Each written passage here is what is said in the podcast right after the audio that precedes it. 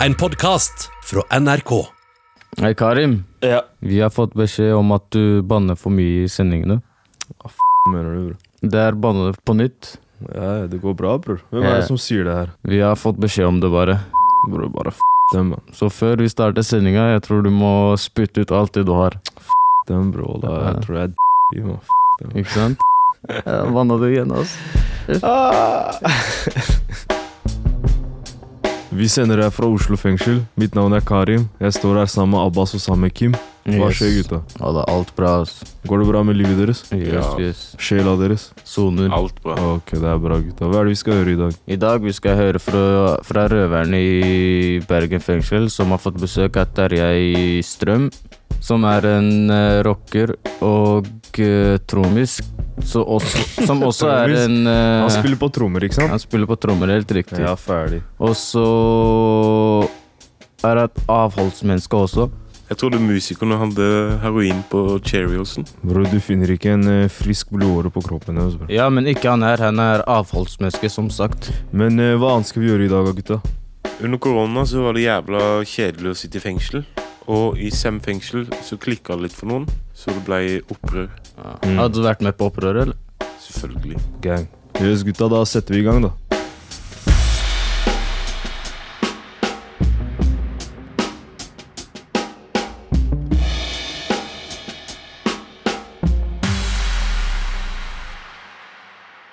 I løpet av den koronatiden her så hadde vi i Røverradioen en eh, livestream eh, på nettet. Og det var eh, vår røverdronning eh, Mina Hajan som da snakka med våre to røvere på utsiden, Marius og Rune Cato, på Fredrikstad litteraturhus. Og det handla om de litt mer uante konsekvensene av eh, koronatiden. Jeg heter Mina Hajan og er ansvarlig redaktør i Røverradioen. I dag skal vi snakke om noe som bekymrer oss mye. Og det er nemlig påvirkningen koronasituasjonen har på utsatte barn og ungdom. For eh, koronapandemien har snudd livene våre helt på huet. Og for de aller fleste så har det vært en eh, ganske stor utfordring å justere seg til denne tilværelsen. Men hva med de som allerede lever vanskelige liv, eller er i veldig sårbare posisjoner? Jeg er så heldig å ha fått med meg to røvere her i dag. Velkommen, gutta. Takk skal du ha. Ja, det er jo en ganske seriøs situasjon det er i. Og Marius og Rune, dere har jobba i redaksjonene våre i fengsel. Eh, Nå er dere ute. Marius, du slapp ut for fem måneder siden. Det vet jeg, for jeg sto på utsida med flagg og ballonger og hva det nå var. Ja, det gjorde du. Det var veldig hyggelig, det. Ja. Og eh, Rune, du har vært ute et par måneder lenger enn det, og sona nesten ti år av livet ditt i en fengselscelle. Og Marius, hvor lenge har du sittet i fengsel til sammen, tror du?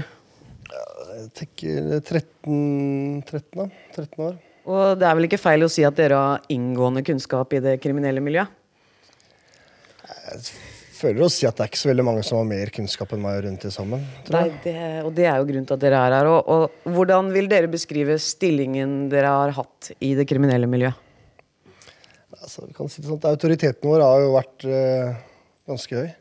Så vi har jo nå Vi bruker nå autoriteten vår da, på en annen måte. Men eh, jeg vil jo si at vi har vært ganske høyt oppe der vi har tilhørt.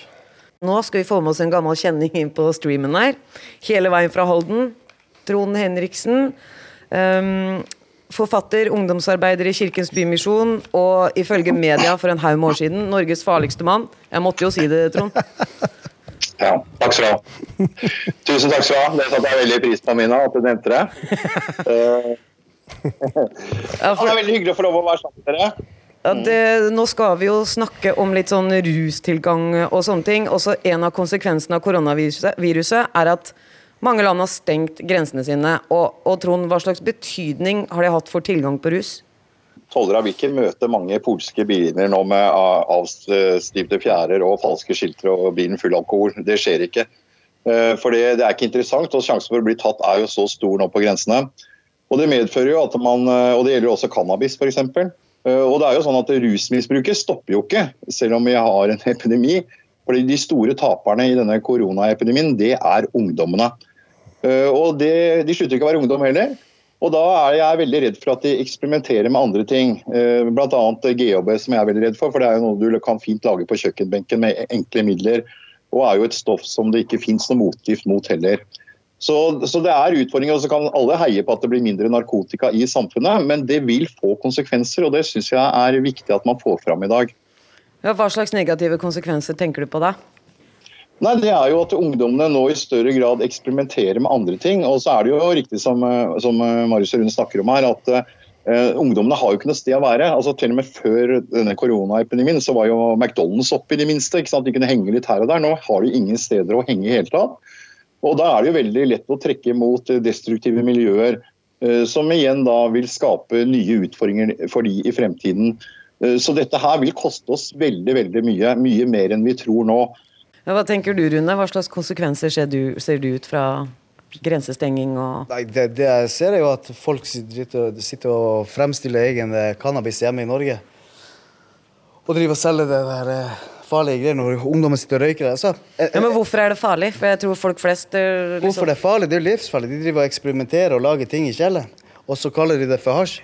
Og så går sitter ungdommen og røyker det her. ikke sant? Så ser det, har du masse drit og syntetiske greier. ikke sant? Altså, der du har ett gram med syntetiske cannabis tilsvarer 100 jointer. Og så har du bare noen som har og miksa det her sammen og ikke vet hva det er for noe. Så sitter en ungdom og røyker, ikke sant? så røyker han kanskje 40 brukerdoser på en gang. Hva du tror som skjer med den stakkars psyken på den ungdommen? Det er som Trond sa, den psykiske biten når du, eh, du kommer til å få ungdom avhengig og skada eh, for livet. Ja, for de som har vært rusmisbrukere i 10-15 år, de vet hva som er dårlig dop og bra dop. Ja. Så de vet hva som, å skille fra det. Men en ungdom på 15-16-17 år han er ikke vant til det. Han ser jo ikke det her. Han er ikke vant, han stoler på den han får det fra. Mm. Og så bare røyker på det, eller kjører i seg, eller whatsoever. De tenker seg ikke to ganger om. Men en som har vært i miljøet sant, i 10-15 år og sett ting hele tida, de vet. Ja, men De unge selger jo ofte uh, weed og cannabis. Uh, betyr det her at uh, de nå går over på å selge tyngre ting også? Ja, de som selger? så klart. Det sier seg sjøl. Hasjen er blitt femdobla, og amfetamin er fortsatt billigere enn alt annet. Så, og amfetamin er blanda ut med hva, masse skumle ting. Eh, som gjør automatisk at det, på, Som uh, Tom sa, rusmisbruket vil ikke stoppe. Det vil fortsatt være der. Uh, så nå, når det som er billigst, er lettest tilgjengelig, så går vi dit. Hva tenker du, Trond? Ja, det er helt riktig det gutta sier der. Og så er det én ting til jeg syns er veldig viktig vi skal snakke om. Det er jo at nå, altså, altså, vi begynner å drikke mer. Eh, jeg ser ungdom i dag eh, sant, som er drita fulle klokka seks på onsdagskveld. Ungdom som har gått på skole, som har gått på ungdomsklubb. Unge jenter på 16 år som raver rundt, eh, sitter fire i en bil, drita fulle. Og Vi må ikke glemme det rusmiddelet der, for det er det en av de farligste rusmidlene vi har, så er det faktisk alkoholen. Og den, og den ser jeg Jeg møtte her en god gammel knarkis her om dagen, så sier han nå er jeg ikke bare narkis, vet du, nå har jeg også blitt alkis. Så på en måte man øh, kombinerer det, og så blir det enda mer, øh, større forbruk av alkohol. Så vi kommer til å få en haug av nye alkoholikere i landet her. Og det skal vi heller ikke undergrave. Så det er Alkohol er det farligste stoffet? Med, med, med dette. Ja, ja. ja jeg syns at det er i hvert fall en av de aller, aller farligste. ja. Jeg er selv fra en familie som, som, alkohol har vært det største problemet. Og det starta med det. Jeg har alltid egentlig sagt at alkohol burde holdt seg på polet. Og det burde vært mye strengere, fordi det er faktisk Eh, mest avhengende eh, enn noe annet. Eh, Folk drikker hele tiden. Og som vi snakka litt om i stad, tenk deg den, det barnet som vokser opp nå med en far eller mor som da drakk kanskje bare fredag og lørdag. Ikke sant? Mens nå er permittert, drikker nå hele uka. Ikke sant? Begynner å bli voldelig. Ta et eksempel. De flesteparten av dommene jeg har sittet inne for, har vært i alkoholpåvirka tilstand. Ja. For jeg blir sinnssyk når man drikker. Og jeg tror ikke det er bare jeg som blir det. Jeg tror det er veldig, veldig mange andre også blir det. Mm. Men altså, eh, Kidsa de røyker som regel cannabis. Det er i hvert fall sånn det generelt har, har, har, sett ut. Men be, hva betyr det her, Trond? At nå som cannabisen er enten falsk eller ikke-eksisterende, hva, hva, skjer da? Nei, det er som de gutta sier, de får i seg masse drit. Det er mye bøffing nå. så Folk får jo ødelegger jo ryktet sitt for resten av livet, for folk blir desperate. Så de selger masse vræl som de blir sjuke av. Eh, de prøver andre rusmidler som er eh, mye sterkere. Eh, deriblant alkohol. Det blir mye, kanskje mye vanligere for dem å, å, drikke alkohol.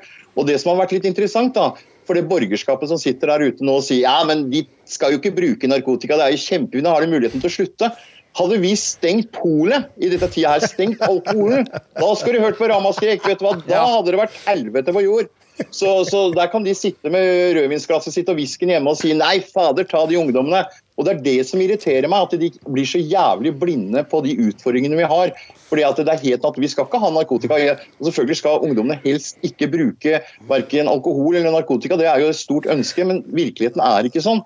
Og Da blir jeg jævlig provosert da når folk sitter hjemme nå og kritiserer ungdommene for at de utforsker ting som, eh, som de kan sitte hjemme og behage seg selv med i disse tider.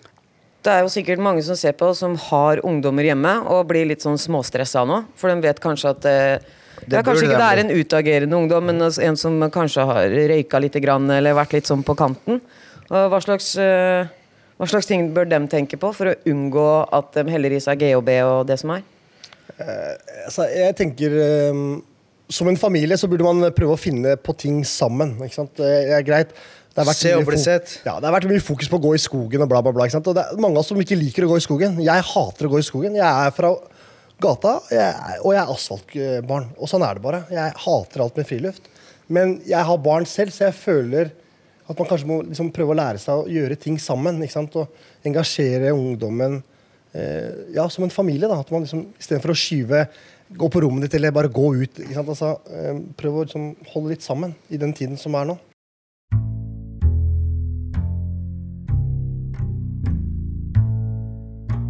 Innsatte i norske fengsler lager radio. Du hører Røverradioen i NRK P2. Ja, det er jo nok ikke de eneste konsekvensene. Nei, det ene tror jeg kan være at man blir lett spotta i gaten og sånn, så Men en annen konsekvens det var at eh, de innsatte på Sem fengsel ikke fikk handlevarene sine plutselig. Og da skjedde litt helvete. mm, Hva var det de ikke fikk av Nei, de ville karamell, eller? ja, De innsatte på Sem fengsel fikk ikke tunfisk i karamell.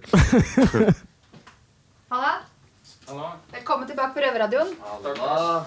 Ok, Abbas og Ole, dere, det er ikke noe tid til å sette seg ned og ha redaksjonsmøte. Dere må rett, rett opp på mikken.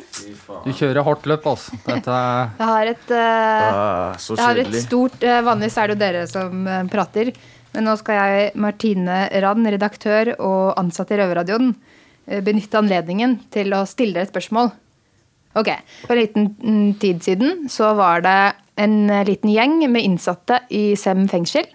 eh, Som er et sånt lite høysikkerhetsfengsel som er i Tønsberg. Ca. 60 innsatte.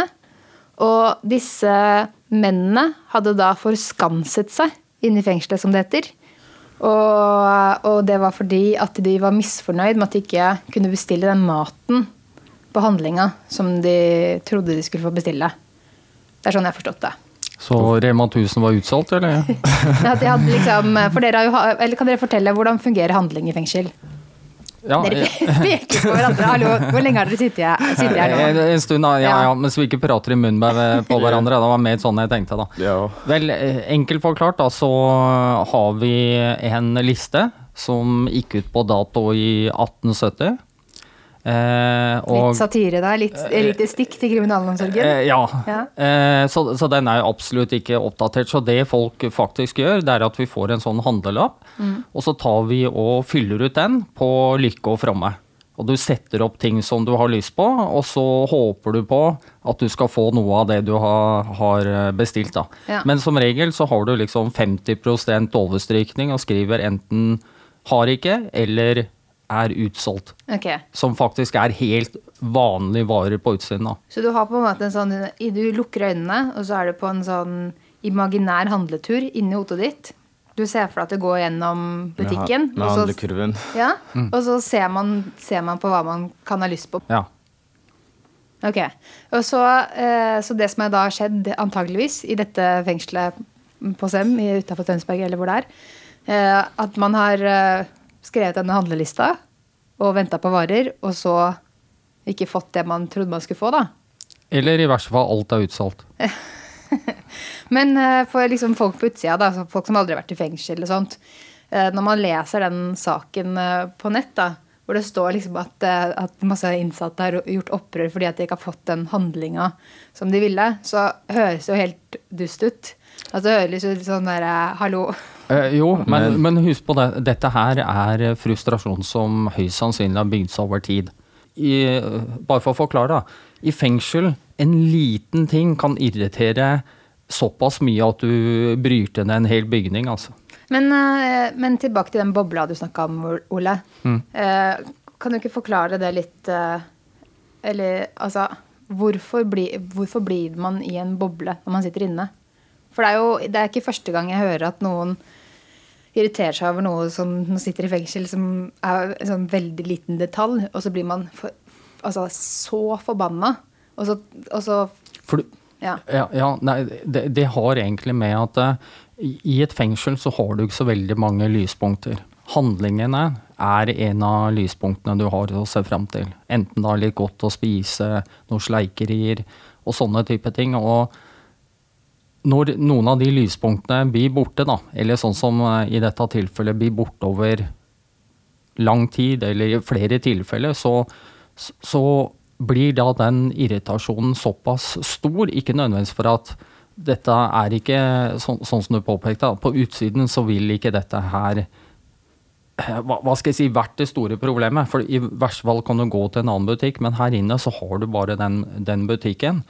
Eh, og det er klart, hvis ikke de har det eller er utsolgt, det går over hele tiden, eh, altså over lang tid, så er dette et irritasjonsmoment som, uh, irritasjonsmoment da, som gjør at folk ja, eksploderer, rett og slett. Altså.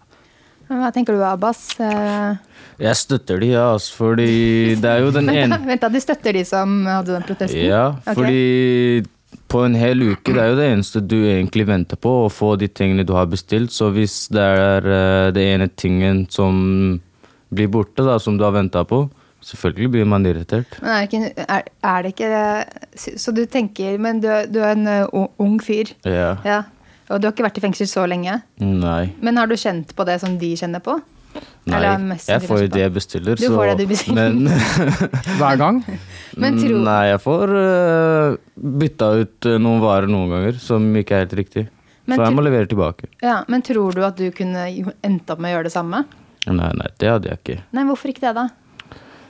Fordi jeg ser egentlig Hvis jeg har lang dom eller kort dom, så vil jeg først sone uh, normalt, da, uten å finne på noe. Så jeg, jeg hadde, kanskje jeg hadde blitt litt sur, men det hadde ikke vært sånn at jeg hadde gjort opprør, da. Men ø, hva, hva tenker du? Hva, hva skal man gjøre i fremtiden da, for å unngå sånne situasjoner? At man får det man bestiller. Ok, det er så enkelt. Det er så enkelt. Ja. Altså, vi, vi innsatte er ikke så vanskelig når det kommer til et stykke.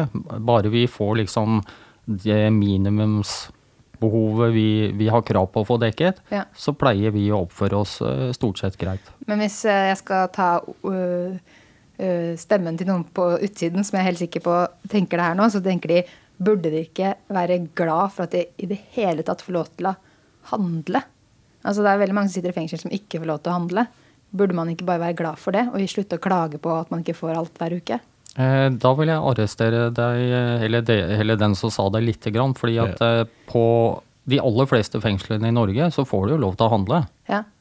Og eh, utvalget her er jo ikke holdt på å si på lik linje som på utsiden. Altså her er det jo liksom minimum. Det er ikke alt du får kjøpt her inne. Så å si at man skal være glad for, for det man må Ja, på, på en måte så kan det kanskje ha litt eh, rett, men på en annen måte da, så føler i hvert fall vi at eh, eh, den, det minimumstilbudet vi har her sånn, det er såpass lite i utgangspunktet. Så det er ikke my så mye å være glad over heller. Hvis du skjønner hva jeg mener? Mm. Men eh, da har vi kanskje oppklart det litt for rytterne der ute. Hvorfor de ble så sure i, feng feng i Sem fengsel. Ja. Har du noe visdomsord du vil legge til på slutten, Abbas? Stå til gutta. Fortsett sånn. Nei da. Kan jeg legge til noe også? eh, Vi får høre hva Abbas har å si. nei, men ro ned litt, sier jeg. Kommer ikke langt med å gjøre sånne ting, for å si det sånn. Det var klokt. Mm. Ja. Hva sa Ole, da? Jeg oppfordrer butikken i Sem fengsel til å levere varene som de skal. Så er problemet over. Både nå og i fremtiden. Punktum. Punktum.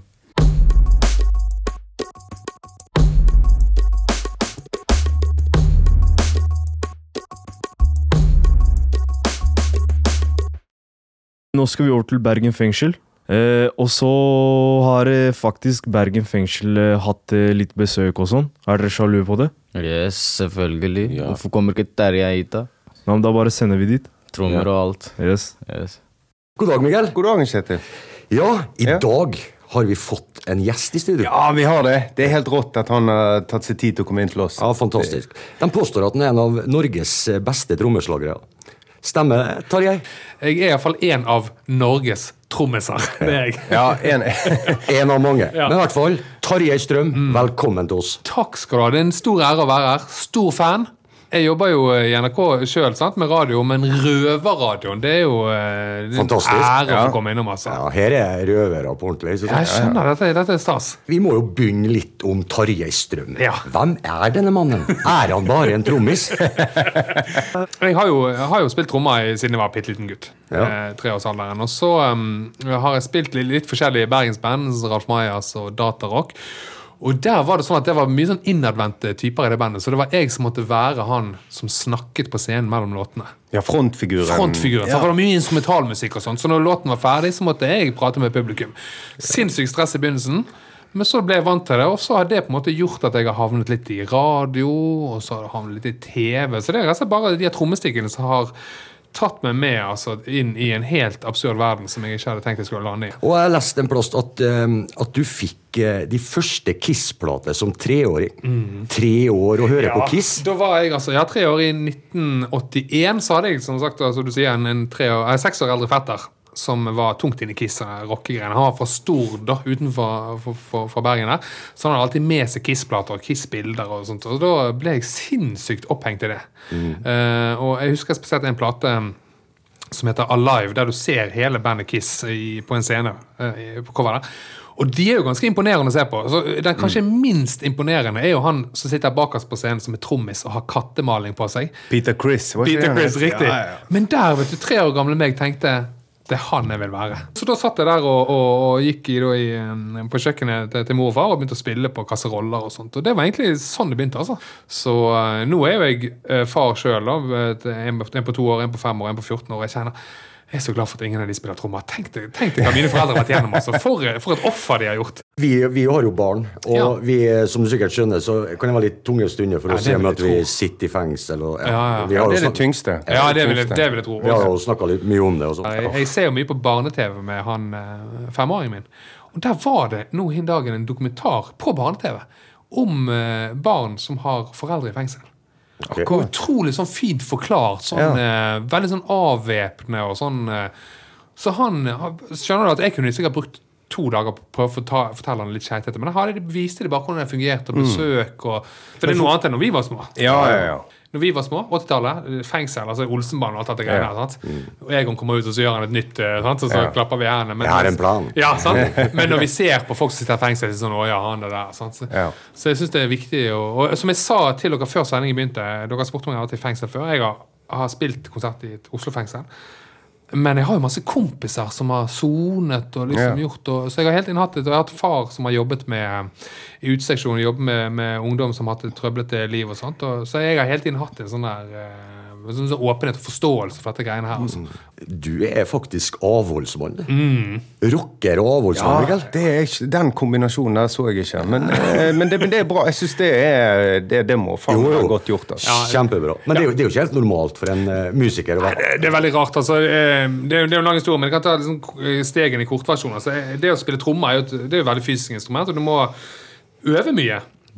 Så jeg satt i kjelleren jeg, til mine foreldre og øvde og øvde. Sant? Men samtidig så var jeg sosial med venner og sånt. men jeg hadde en veldig sterk identitet med trommen. Alle på skolen visste at jeg var trommis. Mm. Jeg var liten av vekst og, og kunne vært et lett offer i hvilken som helst sånn skolegård. Men det var noe med faen, han holder på med musikk. Han, nei, det er noe greier med han. Det, han. det er greit. Jeg fikk liksom fripass av alle bøllene, og alt var greit. sant? Så, så, um, så jeg, på fester og sånn så var jeg utrolig fokusert på at jeg, jeg tenkte at jeg må jo komme gjennom den trommegreiene. Jeg kan ikke begynne å fyre nå når de alle kompisene mine begynte. sant? Og så når jeg ble eldre, og det var flere rundt meg som begynte med det ene og det andre, så så bodde jeg jo hjemme hos mine foreldre til jeg var 18-19 år. Min far som da jobbet med trøblete ungdom og sånt, han var jo så kul med meg. Lot meg øve i kjelleren. sant? Og hvis jeg hadde drukket noe peach canay på en eller annen disko i Fridalen kirke, så hadde han merket det med en gang. sant? Og det ville vært litt sånn respektbrudd. Ja. tenkte jeg. Men, men så, så var, det- hadde jeg noen venner som var såkalte straight edgere. Da, så, eh, sånn amerikansk punkesubkultur der de tok avstand til narkotika og rusmidler. Eh, Så, så jeg var liksom en del av det. Da hadde du en identitet med at du ikke gjorde det. Og, Eh, og der, det er noe historie ikke forteller så mye, men, men jeg hadde en kompis da, som, som var totalt avholds, straight edger. Han var også For det var ganske vanlig å være straight edger og sånn vegetarianer og sånt. Yeah. Det var jo ikke jeg, da. Men han han og et par kompiser de, de gikk all in i litt sånn dyrenes frigjøringsfront og drev og satte fyr på slakterier og var litt sånn på kanten. Så han, han ene av de, eller flere av de havnet i fengsel.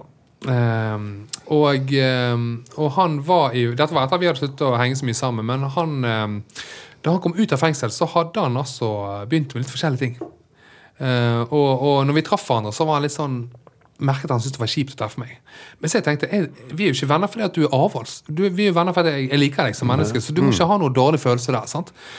Det ene følte det andre, og han havnet i et litt dårlig miljø. og, og, og, og sant, Kortversjonen sier ikke det har noe med fengsel å gjøre, men det er sånn person og historie. og alt dette. Men, Ja. men jeg husker at jeg, eh, det endte opp med at han døde da, eh, i, i noe narkorelatert. og Da satt jeg i begravelsen hans og tenkte Det var første gang jeg tenkte vet du hva, nå tar jeg et valg. Eh, Litt sånn respekt for han, og dette, dette skal være noe jeg følger så lenge jeg har lyst til. Mens før var det sånn jeg kan begynne å drikke i morgen. Hvis det er en fet konsert, kanskje jeg begynner å drikke på turné i Tyskland. Men da, husker jeg satt i begravelsen og tenkte vet du hva, dette gikk jo så skeis med han her. Så, så, så da, da tok jeg et valg, altså. Så, så, så du har aldri smakt alkohol? jeg har liksom tatt en sånn smakt på tungen at uff, dette smakte dritt. men, men det er sant, altså. Og, og, og, og, og det er viktig for meg at folk skjønner altså, Folk tror jo ofte at, eh, at sånn, ja, Er han kristen? Kommer er han fra alkoholiserte alkoholisert hjem? Altså, det, skal, det, det skal sies jeg har vært på turné sant, verden over. Jeg, har, jeg tror jeg har vært i umiddelbar nærhet av alle rusmidler du kan tenke deg, utenom kanskje heroin. Sant? Folk rundt meg har brukt alt det skal være. Men jeg, de har latt meg være, å, velge når jeg skal gå. Og sånt, og, så jeg har aldri hatt noen sånn her eh, pekefinger på folk. Jeg, bare, for meg så har det bare ikke vært eh, en, en greie, da. Tusen hjertelig takk for at Ja. du tok turen hit til Bergen fengsel. Ja, er noe av det kjekkeste jeg har gjort i år. Ja. Det må jeg si altså Eh, I morgen så reiser jeg til Oslo for egen radiosending. Kommer til å være, jeg kommer ikke til å være i nærheten av så bra som dette her var.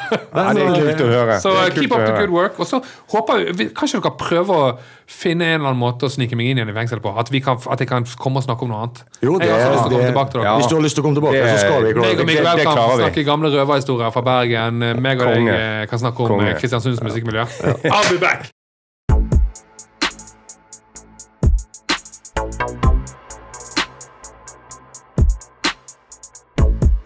Yes, gutta, da har vi hatt en eh, fin og saftig sending. Hva, hva, hva syns dere om dagen i dag?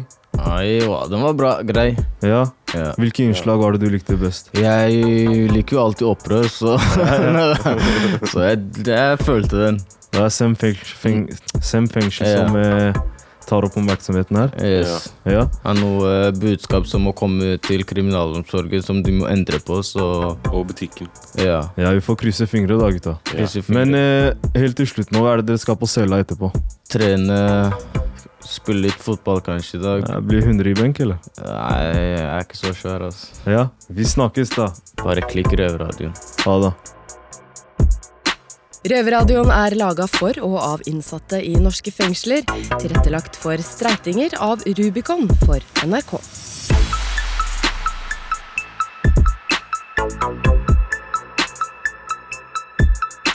Thank